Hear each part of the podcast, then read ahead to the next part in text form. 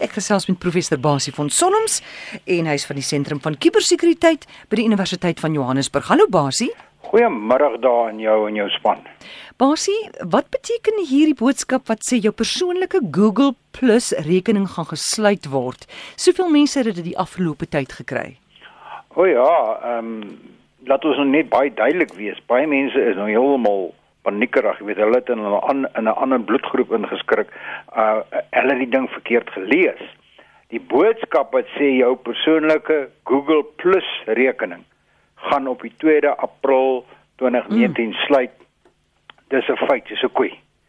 Maar wat is Google Plus? Google Plus is nie Google nie. Google Plus is nie Facebook nie. Google Plus is nie WhatsApp nie. Google Plus is 'n sosiale netwerk 'n fasiliteit uh, wat deur Google besit word wat hulle so in 2011 begin het as 'n soort van 'n kompeteerder vir WhatsApp en vir uh, Facebook op daai stadium. Met ander woorde, dit is 'n sosiale netwerk waarop jy basies presies dieselfde kan doen as wat jy met WhatsApp kan doen.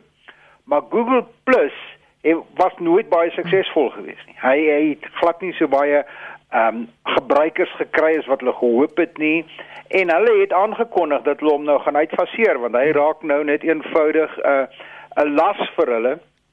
En daarom mense wat nou nog Google Plus en maak baie baie duidelik moet nou nie weer uh die luisteraars moet nou nie weer 'n uh, uh, hele uh, 10 kopieer hierdie boodskap vir 10 ander ja. mense dat Google gaan toemaak. Nie waar nie Google Plus is 'n spesifieke sosiale netwerk wat Google geskep het wat hy nou gaan sluit op die 2 April. So as jy 'n Google Plus gebruiker is, wees bekommerd want jou data gaan heel waarskynlik ook verlore raak. Jy moet baie baie vinnig begin kyk en op Google gaan soek hoe jy jou data kan kopieer laat dit behoue bly, maar dit is net daai daai spesifieke sosiale netwerk Google Plus en daar is nie so baie mense wat hom gebruik nie. Goed, en dan hierdie tollenaar, kan mens hom 'n tollenaar noem, maar daar gesit dit by die Leandra tolplaas in Mpumalanga. Hy het bankkaarte gekloon. Hy's uitgevang 20 jaar tronkstraf gekry waaroor ons bly is, maar hoe kan ek as motoris as ek so stop by die tolhek, hoe kan ek seker maak of hoe daai ouetjie dit reg gekry? Hoe het hy dit getol? getol dit is ook 'n storie wat al baie lank kom. Baie mense ry en ek het dit nou die verlede naweek weer self ervaar. Baie mense ry dan betaal hulle tol by hierdie tolhekke hier op na die noorde toe. Dan betaal jy of kontant of jy het 'n um, 'n 'n dingetjie waarmee jy outomaties deur die outomatiese hek kan ry of jy betaal met jou kredietkaart en hulle vat die kredietkaart, hulle druk hom dan onder die toonbank in die kredietkaartleser in en jy betaal jou tol met die kredietkaart uh, en dit gaan in jou kredietkaart af. Maar ons lankal stories dat van hierdie uh hokkie eienaars of hokkie mense daai kaarter as hy hom indruk dan kloon hy hom. Hy druk hom in 'n ander lesertjie in en hy maak 'n kopie. Hy lees al die data op jou kaart en hy skryf ook sommer daai CCVV nommertjie agterop neer langs die kaart en hy gee die kaart vir jou terug. Jy kan dit nie sien nie. Jy sit in jou kar, jy vat jou kaart en jy ry verder. Nou wat hierdie kiepie gedoen het, is hy het net eenvoudig mense se kredietkaarte in hierdie lesertjie ingedruk, dan het hy uh, hom gekloon, hy die data gelees en dan het hy later daai data gebruik of om 'n gekloonde kaart fisies te maak of net eenvoudig deur dit te gebruik um, vir telefoniese bestellings want hy het al die inligting wat hy nodig het om telefoniese bestellings te maak. Nou soos jy reg gesê, die ou is nou uitgevang. Eintlik al 'n jaar of wat gelede is hy al uitgevang en hy is uh, daar's hy uit oor 1000 aanklagte was teen hom gewees van kredietkaarte wat hy op die manier gekloon het. So ek ek onthou 'n jaar 'n paar jaar gelede het of selfs nou nog klaar luisteraars en mense daarvan dat daar's hierdie as ekstra gebruik van hulle kredietkaart. 'n uh, Onwettige gebruik en van hulle is daarvan. So wat is die wenk? Eerstens die wenk is onthou nou ons het lankal gesê, as jy so iets in die publiek doen, aan aanhalingstekens die publiek, en jy wil jou kredietkaart vir gebruik, wees attent daarop. En kyk na jou kredietkaartstate dat daar nie ekstra bedrae op is nie. As jy kan, kry vir jou 'n tweede kredietkaart waarop daar 'n beperkte minimale bedrag is. As jy is byvoorbeeld gereeld Durban toe ry, jy ry gereeld op noorde toe. Kry jy jou kredietkaart as jy dan met die kredietkaart wil betaal waarop 'n beperkte bedrag geld is wat hulle dan nie kan misbruik nie. Gebruik jy geld op as jy gaan ry, sit die geld in daai kredietkaart en vir daai reis wat jy maak, gebruik dit op, volgende keer gebruik jy dit weer. Maar hierdie is 'n ernstige saak en luisteraars moet maar baie baie versigtig wees uh as jy jou kredietkaart in so 'n plek gee waar jy nie kan sien wat maak hulle daarmee nie. Dis hoekom die gebruik van hierdie masjienkie wat ons deesdae in restaurante kry, soveel help. Mm. Want hy jou kaart gaan nooit uit jou hand uit nie. Jy druk hom fisies in selfs by die supermarkte, jy druk hom fisies in, sit jou pinnommer in, hou hom toe en trek hom uit. Maar oomblik as hy onder jou oë uitgaan, dan kan hy hierdie snaakse goed mee gebeur. Maar kan ek net nog 'n ding sê? Asseblief oor die Google Plus wat ek net o gesê het. Uh Marina het my verlede gister van Mosselbaai af gebel en vir my gesê maar WhatsApp maak toe. Daar's mm. nou 'n mm. boodskap wat mm. sê WhatsApp maak toe. Nou ek het daaroor 'n bietjie gaan navorsing doen. Weerens feitjies se koei WhatsApp maak nie toe nie. Wat wel 'n verkeerde boodskap is terwyl ons van sosiale netwerke praat. WhatsApp faseer die gebruik van WhatsApp op ouer selfone uit. Hulle het al in 2018 aangekondig. Hulle is besig met 'n proses tot 2020 toe.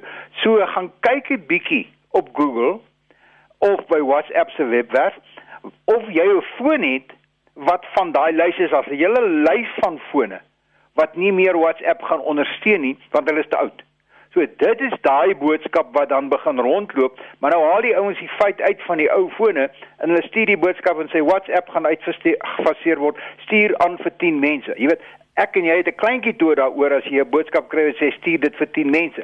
Jy oorlaai die rekenaarnetwerk. Hierdie 10 ouens stuur dit weer vir nog 10 ouens. Later het jy 'n klomp vals nuus wat die wêreld volloop. So, Google Plus, ja, groot definitief.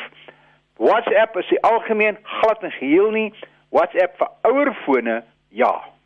Basie, Duitsland het vandag vir Facebook vasgevat en gesê hulle mag nie meer data of daai inligting van julle gebruikers deel met die res van die wêreld nie. Kan ons regering dit ook doen? Kan hulle ook vir ons so beskerm?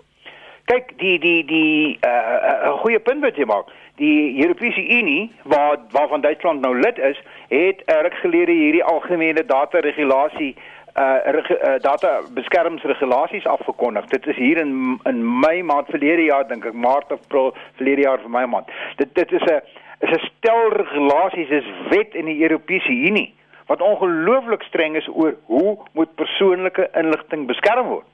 En daarom is daar verskeie maatskappye van die groot rekenaarmaatskappye het al reuse boetes gekry van die Europese Unie omdat hulle hierdie wet oortree. So ja, hulle kan dit doen en hulle doen dit. Die wette in ander lande waar daar nou nie 'n wet is, onthou die Europese Unie is 'n streeksarea vir 'n klomp Europese lande. Hulle is besig om sterk die persoonlike inligting van hulle gebruikers te beskerm. In Suid-Afrika wat se situasie? Situasie is 'n beginsel dieselfde, maar 'n beginsel nie dieselfde nie. In die sin dat ons het ons wet op die beskerming van persoonlike inligting, die sogenaamde Poppy wet waarvan almal van ons al gehoor het, maar wat nog nie wet is nie. Hy hang in die lug. Daar's nou 'n reguleerder, 'n inligtingreguleerder aangewys verlede jaar al of voor verlede jaar al. Met die idee dat dit maak die voorbereiding vir die vir die wet. En daai wet, ons eie wet, is net so streng. As jy persoonlike data het, is daar baie streng voorwaardes. As jy byvoorbeeld data van my kry, dan mag jy dit net gebruik vir dit waarvoor jy dit vir my gevra het.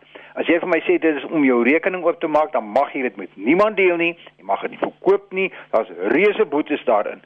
As dit wet word. Almal van ons sit op die punte van ons stoele wanneer gaan dit wet word? Maar in beginsel is jy heeltemal reg. Ons persoonlike databeskermingswet, persoonlike inligting is baie goed geskoei op die Europese Unie se wet. Duitsland doen dit klaar. Oomblik as dit in Suid-Afrika wet word, dan het ons dieselfde uh, hefboom om te gebruik. Maar ek is bietjie sinies. Ek dink dit gaan nog lank vat. Ja, en baie hierdie volgende storie, ek kan nie glo dat dit in die jaar 2019 gebeur nie. 'n Kanadese kripto-eenheidsfirma kan nie 190 miljoen dollar terugbetaal aan hulle kliënte nie want die stigter is dood met die wagwoord. Sies tog die stigter is maar 30, Gerald Gotten, net hy het daai wagwoord. Nou kan hulle nie 'n kuberkraker kry om op 'n manier daai wagwoord te ontsyfer nie? Wel, eerstens kom ons praat nie hieroor. Dis 'n kripto kripto uh, eenheid, kripto geld eenheid uh, beurs. Aan die ander hmm. woorde, dit is die plek waar jy kripto geld eenheid koop en dan betaal met gewone geld en dan dan kry jy hou hulle vir jou, jou kripto geld eenhede byvoorbeeld Bitcoin en ander en en en, en jy stoor dit daar as jy dit nie gebruik nie is dit eintlik jou bank waar jou waar jou kripto geld eenhede of jou bitcoins gestoor word en hierdie eienaar die die die die eienaar van hierdie beurs wat dit gestig het en dit baie suksesvol is die grootste beurs se sukses in Kanada. Suksesvol gedoen het. Hy is eintlik dink ek nogal bietjie uh, 'n uh, visie gehad want hy sê toe ek wil my gebruikers se uh, kripto geld eenhede baie goed beskerm. So hy het 'n verdere vlak geskep wat hy noem 'n koue stoor. Dis 'n ander elektroniese ding wat nie van die internet af bygekom kan word nie. So hy het nou sy sy gebruikers mm. of sy mense wat by wie wat by hom handel dryf se uh kripto eenhede het hy in hierdie ekstra kluis gaan stoor. Wat beteken dit kan op 'n manier gekraak word deur die uh kuberkrakers, die, die rot en die wanneer kan hy daar uitkom nie. Maar hy is die enigste ou wat wat die wagwoord het om ja. tot by daai kluis uit te kom. En hy's dood. Nou niemand het die wagwoord nie. Nou twee vrae. Eerste vraag is is dit waar? Ek lees nou al klaar dat daar alreeds gerugte is dat dit 'n storie is, dat dit nie heeltemal waar is nie, maar dit dit is soort van 'n front is. Ek weet nie of dit waar is nie.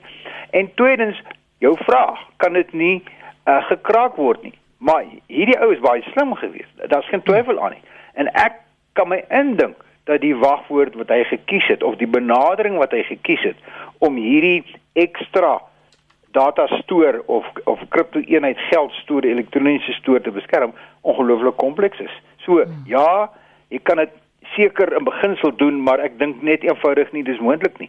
En die die verslae sê net eenvoudig hierdie gebruikers wie se geldeenhede in daai stoor gestoor is 190 miljoen dollars soos wat jy dit reg sê, gaan hulle geld verloor. Nou Basie, wil jy vir my sê elke keer as daai kliënte iets wou gebeur het van hulle geld of wou ingaan, moes hulle met hierdie man persoonlik kontak maak en by hom hoor wat is die wagwoord? Heel was nie hulle moes nie hoor nie kyk ek as as ek aflei dit gewerk het is veronderstel jy wil van jou jy wil nou geld ek wil jou betaal met van my kripto geld eenhede dan gaan ek gewoon ek maak 'n betaling by die beurs ek sê vir die beurs vir hierdie beurs waarvan hierdie ou nou die eienaar is ek wil vir jou 3 bitcoins betaal mm. dan gaan hy in die stoor in amper soos 'n ou bankbestuurder van ouds hy gaan haal hy hy sluit die oop met sy wagwoord ja. hy haal jou 3 bitcoins daar uit hy sit dit in die algemene stoor, hy sluit weer die stoor hmm. en hy betaal vir jou. So, ek lei af dis wat dit gewerk het. Ek het nie dit in detail bestudeer nie. Maar die feit is dit is in daai elektroniese kluis waarvan sogenaamd nie. Maar soos ek sê, die stories wat ek nou lees is hmm. dat daar was dan nou transaksies gewees op daai geldeenhede wat nou sogenaamd in die stoor moet wees. En daar's ook gerugte dat hierdie geldbeurs finansiële probleme gehad het voor die tyd. So, uh. jy weet ek ryke rot. Ek ryke rot met hierdie hele stories. Jammer die ou is dood. Wel, eerstens ons ek wil nie sê ons hoop hy is dood nie. Ons aanvaar hy is dood. En ek ryke rot want daar's alrarde reukies wat uit hierdie kluis uit begin kom van ander tipe dinge. Ek is net bly ek het nie geld daarin nie. Ek is net bly dat ek het in elk geval nie 'n vreeslike geloof in in kripto geld eenhede nie, maar hierdie en dit is die ek dink dis die boodskap wat luisteraars moet besef dat dit is die tipe gevolge wat die meeste uh, kriptogeld ene wat vandag gesteel word mm. word nie noodwendig by my gesteel en by jou gesteel nie. Dit word daar by daai beurs gesteel waar al hierdie goed lê waar jou elektroniese kom ons sê bitcoin beursie lê by daai beurs. Nou kraak hulle in daai beurs in en hulle steel net eenvoudig daai daai eenhede wat daar lê. En onthou die hele kripto eenheid is anoniem geen manier kan hulle gaan uitvind dit dit aan my behoort of aan jou behoort of aan wie ook al nie. Hulle vat dit en hulle het dit en hulle kan begin handel dryf daarmee. Oh, dis erg. Basie baie dankie. Ons praat weer volgende week. Alles van die beste en sterkte vir julle vir die res van die aand. So gesels professor Basie van Sonnoms en jy kan hom kontak by rsgbasie by gmail.com.